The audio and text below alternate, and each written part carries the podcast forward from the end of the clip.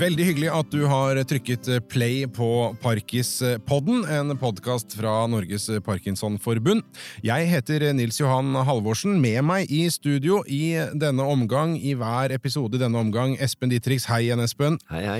Nå øh, føler jeg kanskje, i denne podkastserien som handler om forskning på Parkinsons sykdom, både behandlingsmetoder, nye sådanne, bedre behandlingsmetoder, raffinering av de som allerede fins, men da også liksom søken etter det som er den hellige gral innenfor denne sykdommen, nemlig opphavet. Hvor kommer det fra?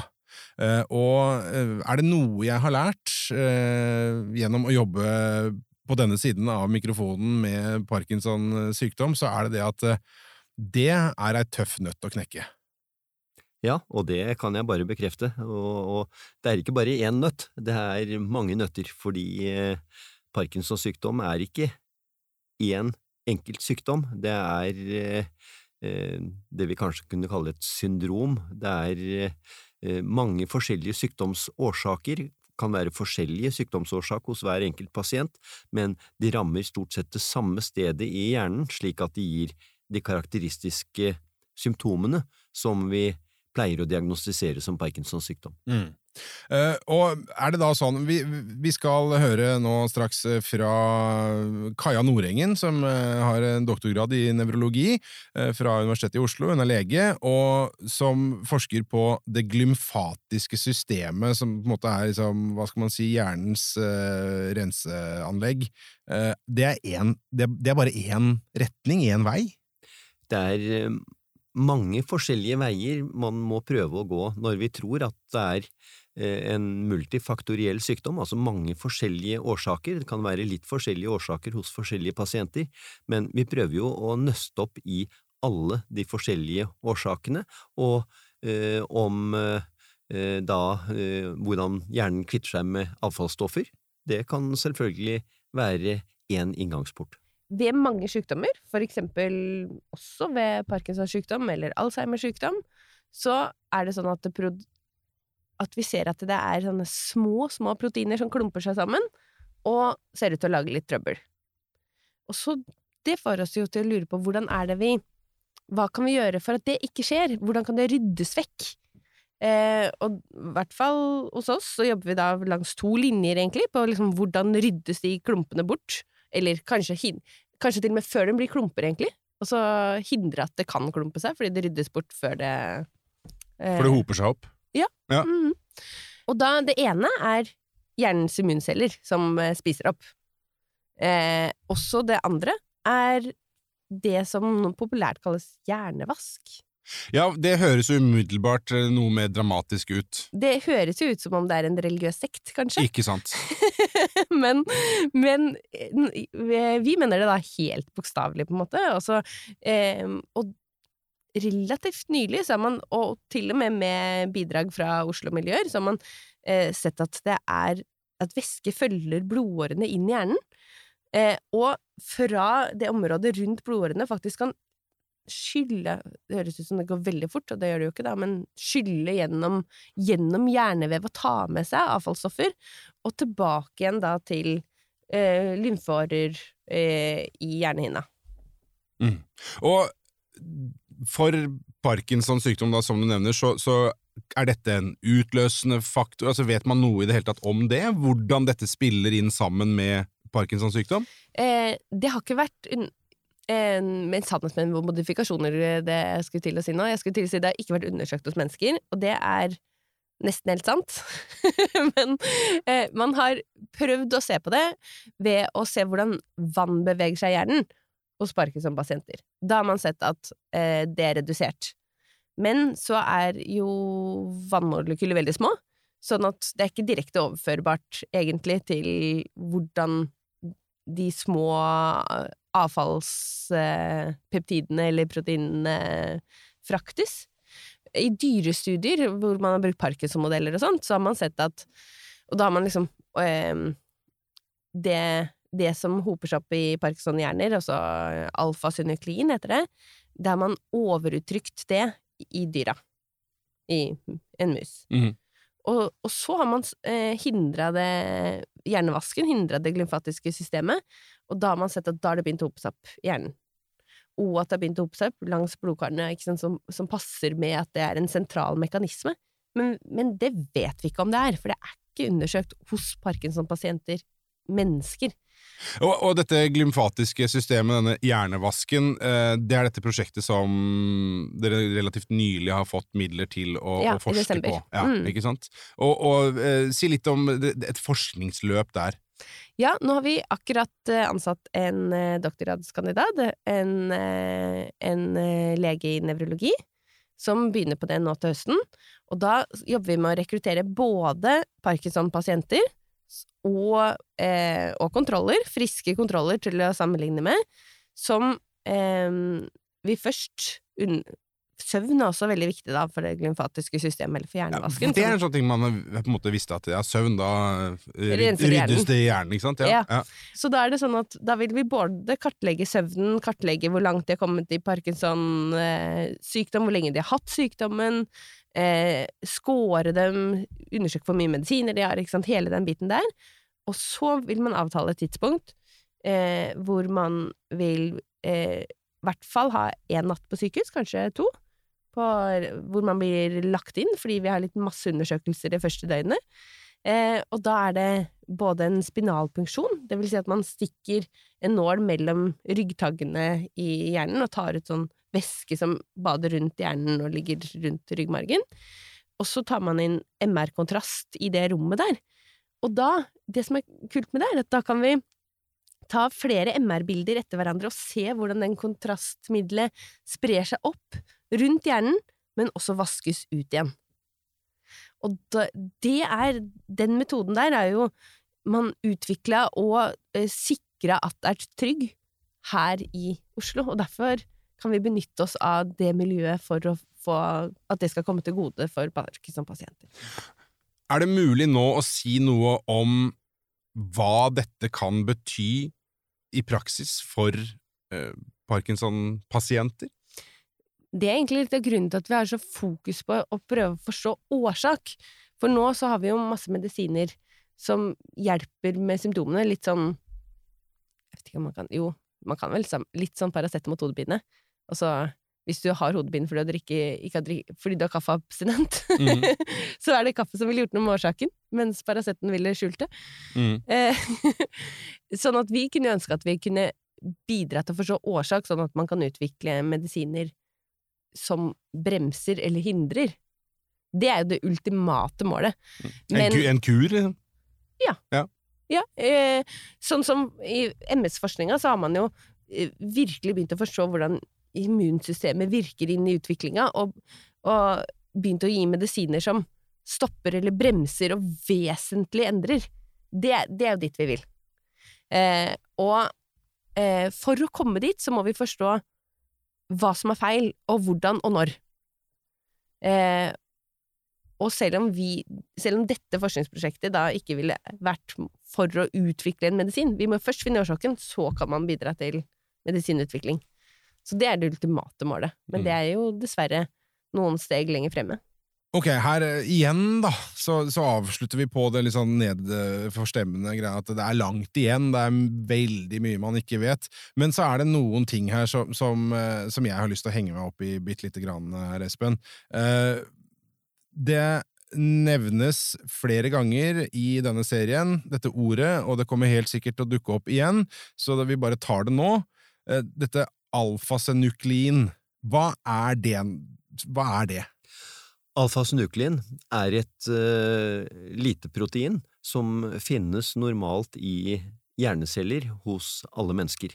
Uh, det er en liten produksjon av det, og det er en nedbrytning, sånn at mengden av alfasynuklin av dette lille proteinet i hjernecellene er normalt, og vi tror at dette proteinet har betydning for hvordan hjerneceller, normale hjerneceller sender signaler til hverandre.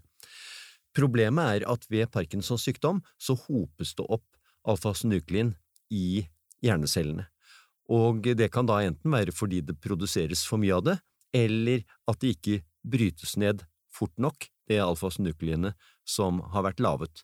Og da er det sånn at alfasynuklin det klumper seg sammen i hjernecellene, og ved Parkinsons sykdom så kan man i de hjernecellene som er syke, så kan man finne klumper som blant annet står av alfasnuklin, som er kalt levi-legemer, etter en tysk patolog som var den første som beskrev dem. Sånn at det vi vet, det er jo da at ved Parkinsons sykdom så hoper det seg opp avfallsstoffer, og da spesielt alfasnuklin, inni hjernecellene. Og det som er spennende med Kaja Nordengen og den forskningsgruppen og den forskningen de driver, det er jo eh, hva med avfallsstoffer utenfor hjernecellene? Kan avfallsstoffer i den væsken som befinner seg mellom hjernecellene, også ha betydning, og kan man da eh, se at kanskje manglende avfallssortering også utenom cellene kan ha betydning for utvikling av Parkinsons sykdom. Mm. Ja, jeg fikk lyst til å sammenligne dette alfasenukleinet med, med liksom snørr når man er forkjøla. Det hoper seg opp, og det blir for mye produksjon. Ja, du Kanskje litt si vel, vel, forenklet, men eh, med, med min hjerne. Nei, vi har et stoff som, eller, eh, som uh, har en normal funksjon. Og vi er jo fuktige i nesen, og hvis, i bihulene. Hvis det blir for mye av det, så blir vi tette i nesen. Mm. Hvis det blir for mye alfa-synuklin inni hjernecellene, så slutter de å fungere normalt. Og så er spørsmålet hva hvis det blir for mye alfa-synuklin i den væsken som flyter mellom hjernecellene? Kan det også ha betydning? Og kanskje hvis vi kan kvitte oss bedre med alfa-synuklin utenfor hjernecellene, at det også kan bedre sykdommen. Det er mm. spennende aspekter. Mm. Uh, um, vi skal uh, for som, som, som, vi har sagt, og som det blir nevnt flere ganger her, det er mange årsaker. Det er også igjen, uh, igjen forenklet, det er mange veier til rom, og mange steder på en måte, som, som, Parkinson kan komme fra. Og vi skal ta turen til, til Danmark nå, til professor ved Århus universitetssykehus, Per Borghammer, som undersøker videre denne tanken, teorien om at uh, parkinson kanskje oppstår et annet sted enn i hjernen? Ja, han uh, prøver også å følge alfasnuklin og følge veien til alfasnuklin. Hvordan uh, sprer dette seg, og hvilken betydning har det for Parkinsons sykdom og for sykdomsutviklingen? I, i lang tid der har man jo egentlig trodd at Parkinson primært var en hjernesykdom. Øh, primært karakteriseret ved dopamintab og bevægeforstyrrelser. Men, øh, men man har egentlig også visst i flere årtier, at patienterne er meget forskellige. Og der er nogle af patienterne, der har mange symptomer fra kroppen meget tidligt, som øh, svær forstoppelse og blodtryksproblemer og sådan noget. Men der er andre patienter, der overhovedet ikke har de symptomer, øh, inden de får diagnosen. Så når man kigger på symptomerne alene, så, så kan man allerede få en mistanke om, at der må være, kan man sige, mere end en slags Parkinsons sygdom. Og øh, det er så det, vi, vi, har, vi har forsket en, en del i, i øh, i min gruppe, men også andre steder i verden. Og når man eksempel øh, undersøger Parkinson-patienter meget tidligt øh, med forskellige scanningsmetoder, både af hjernen, men også man kan scanne hjertet og tarmen, så kan man se, at nogle patienter de har svære skader på, på tarmen og på hjertet, faktisk inden de får diagnosen. Men andre patienter, de har et fuldstændig normalt hjerte og normalt tarm på det tidspunkt, de får diagnosen. Og det, det, det tyder jo på, at, at vi kan se de her to øh, hovedgrupper af patienter, dem, dem der hvor det måske er startet i det perifere nervesystem, måske i tarmen, og dem hvor det starter direkte i hjernen. Eh, men henger dette da sammen med den tanken om at Parkinson ikke er én sykdom, men, men flere sykdommer? Jamen, ja, det gør det bestemt, og det bliver jo hurtigt lidt filosofisk, om man skal kalde det for flere sygdomme, eller om det faktisk er et sygdomsspektrum. Øh, og og det, det kan man diskutere længe, og det er eksperterne meget uenige i, hvordan vi skal bruge øh, termerne. Men, men, men øh, altså, jeg tror, det er meget sandsynligt, at, at Parkinson i hvert fald er et sygdomsspektrum. Øh, så der er nogle symptomer, der er fælles for patienterne, men der er også nogle, der er forskellige. nogle patienter har, øh, kan have en, en hastigt fremadskridende sygdom, som, som bliver hurtigt værre, og nogen kan have sygdommen i mange år, uden det bliver værre. Og der må jo være nogle, der må være nogle årsager til de forskelle. Det kan være genetiske årsager, men også andre øh, biokemiske årsager osv. Øh, og de, de forskellige årsager skal vi blive klogere på, fordi i fremtiden, så hvis vi skal blive dygtigere til at behandle den individuelle patient, så er vi nødt til at forstå, hvad det, hvad det er, der gør dem forskellige, så vi også kan behandle dem forskelligt. Ja. Si, si litt om hvordan dere går fram når dere forsker på dette. Jamen, øh, vi, vi, vi bruger mange forskellige metoder, men, men øh, sådan kort sagt, så, så laver vi øh, mange patientstudier med levende patienter, dem prøver vi at finde så tidligt som muligt. Det vil sige, vi prøver at finde dem, inden de overhovedet kan få en Parkinson-diagnose, inden de overhovedet har symptomer fra, fra, altså med bevægelsen. Det kan eksempel være at finde patienter, der har den her remsøvn adfærdsforstyrrelse, som man ved, hvis man har den, så er man i høj risiko for at udvikle Parkinson. Det vil sige, når man studerer sådan mennesker, så studerer man jo Parkinson, men, fem, men man studerer en patienten 5-10 år, inden de kan få diagnosen. Sådan en gruppe har vi for eksempel undersøgt, og dem, der kan vi jo se, at hjertet og, og tarmen har svære skader allerede på, på, på de patienter, selvom hjernen stort set er normal. Øh, man kan også finde patienter, som har genetiske varianter, altså genetisk Parkinson, øh, og så se, tyder det på, at den slags Parkinson starter i hjernen eller i tarmen, eller kan vi ikke rigtig sige noget om det. Så laver vi også dyremodeller, hvor vi for eksempel øh, har, øh, tager en slags Parkinson-patologi, sådan nogle proteiner, og så tager vi en rotte, og hvis vi så indsprøjter den her patologi i tarmen hos rotten, vi har selvfølgelig en gruppe af rotter, så kan vi se, at patologien spreder sig gennem nervesystemet, kommer ind i bunden af hjernestammen og spreder sig op gennem hjernen og påvirker dopaminsystemet. Så vi kan så at sige i dyrene se en fortløbende slags Parkinson, som virkelig ligner den, som mennesker har. Ja, og, og en, hvis jeg lige siger, skal sige en hurtig sidste ting, så vi, vi kigger også på, øh, altså på hjerne, hjerner fra patienter, fra hjernebanker, og der kan vi se to overordnede mønstre, vil jeg sige. Øh, det ene, det er et mønster, hvor patienterne har mest øh, sygdom i bunden af hjernestammen og i det autonome nervesystem så der gætter vi på, at det afspejler hos de her patienter, der kom sygdommen faktisk fra det autonome nervesystem. Men en anden gruppe af patienter, de har langt mere sygdom ligesom inde i centrum af hjernen, kan man sige, og ikke ret meget patologi i det autonome nervesystem. Og det gætter vi så på, at de afspejler dem, hvor, hvor, hvor, hvor sygdommen faktisk startede i hjernen. Ja, Det var eh, Per Borghammer. Eh, skal vi prøve oss på, siden han snakker dansk, skal vi prøve oss Espen, på en liten oppsummering av, av det han uh, fortalte om her? Ja, det han og mange andre har som teori, er at det finnes kanskje to hovedvarianter av Parkinsons sykdom. I den ene så mener han at sykdommen da starter i det perifere nervesystemet, det vil si i, i, de nervene som går til tarmen og til hjertet, for eksempel, og at uh, det skjer forandringer, for eksempel med dette stoffet alfasynuklin som vi har snakket masse om, som da brer seg oppover gjennom de perifere nervene til nedre del av hjernen, som vi kaller hjernestammen, og at sykdommen da kommer inn i nedre del av hjernen etter at den først har startet ute i kroppen, mm. og at den deretter brer seg oppover i hjernen. Og så mener han at det er en annen gruppe hvor sykdommen da starter sentralt i hjernen.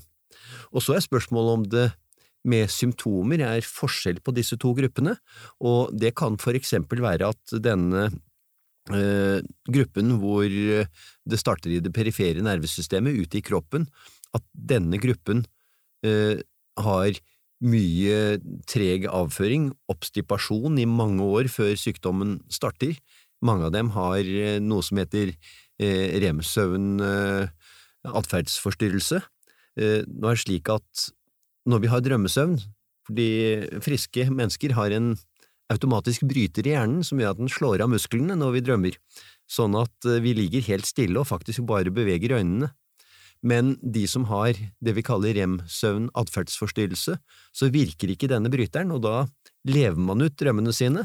Ja, nettopp. Mm. Eh, Drømmer man at man slåss mot en drage, ja, da slåss man mot den dragen, og da eh, belter man kanskje nattbordet og river ned eh, panelovnen, og, og kanskje eh, slår hardt på sengepartneren. Ja, ikke sant. Ja, det jo, høres jo ikke bra ut i det hele tatt. Og, og det vi vet, er at de som har rem-søvn-atferdsforstyrrelse, der er det en stor overhyppighet av senere å utvikle Parkinsons sykdom.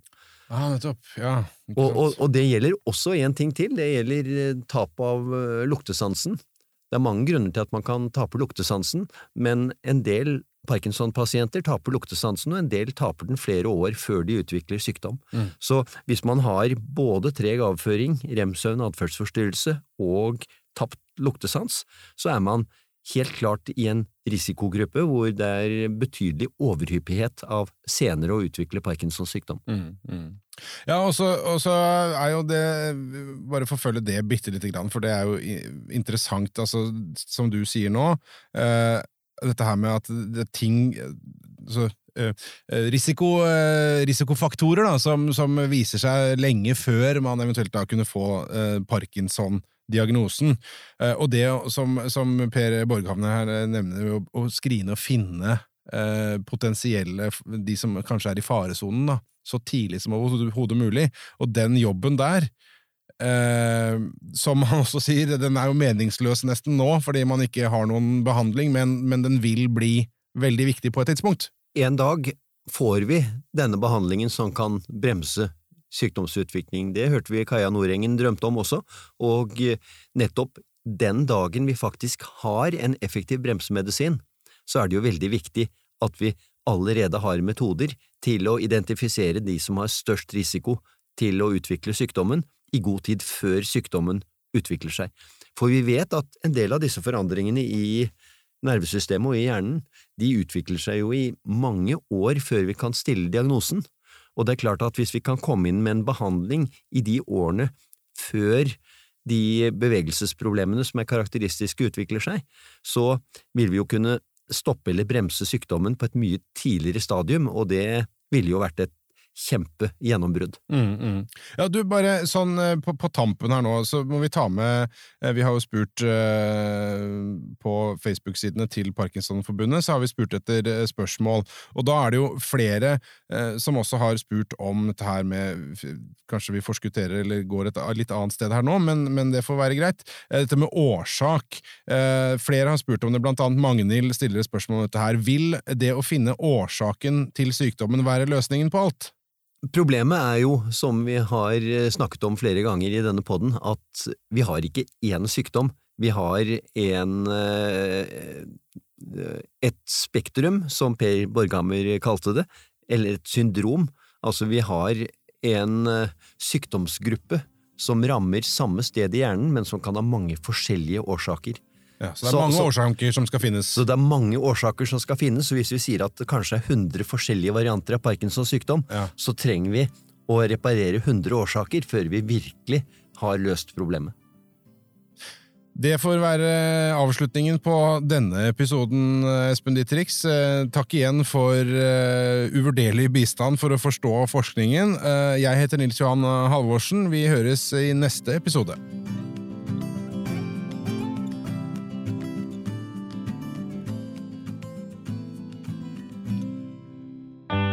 Denne podkasten er produsert av Tid og lyst. For Norges Parkinsonforbund med støtte fra stiftelsen DAM.